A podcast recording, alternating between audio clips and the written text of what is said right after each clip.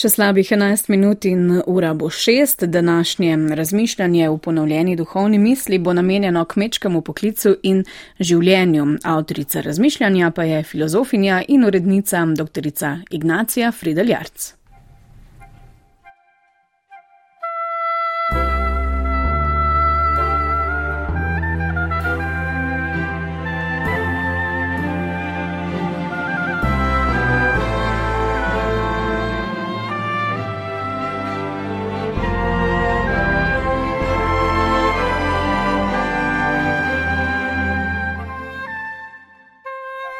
Današnja duhovna beseda pravzaprav ni misel, ampak hvalnica slovenskemu kmetu.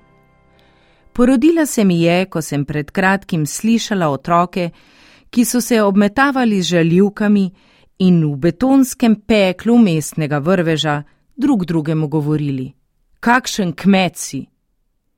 Zgrozila sem se, ker sem se spomnila, da je beseda kmet bila zmerljivka že v času našega otroštva, ki je bilo še trdno zakoreninjeno v socializmu.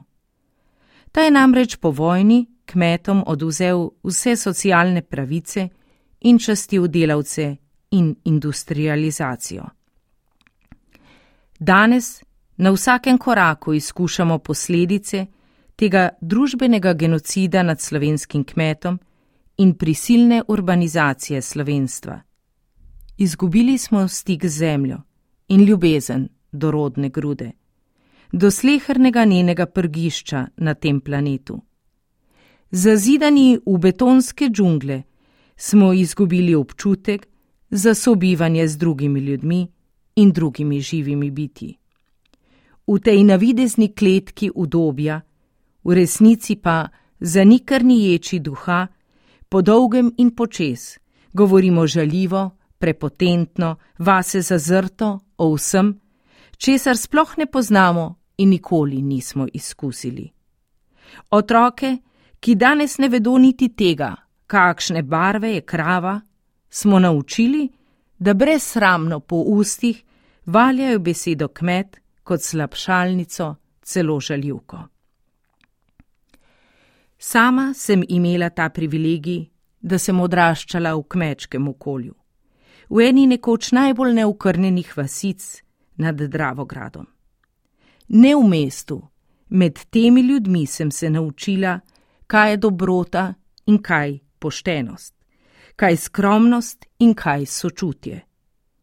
Bili so najboljša šola etike v mojem življenju zakaj kmet je tisti, ki zna ponižno spoštovati veličino neba, ki mu daje sonce in dež. In vendar zaradi garaškega kmečkega dela svojimi nogami vedno krepko stoji na trdih tleh. Kmet je tisti, ki ne gleda, kaj je levo in desno, ampak se ozira k bližnjemu, k sosedu, ki mu v težkih trenutkih priskoči na pomoč in ki mu jo zna in zmore vračati. Zato je bil slovenski kmet tisti, ki je svojo ukoreninjenostjo v domačo zemljo ohranil slovenstvo in tisti, na katerega se moramo opreti tudi danes, če hočemo naš slovenski narod in našo zemljo ohraniti tudi za prihodnost.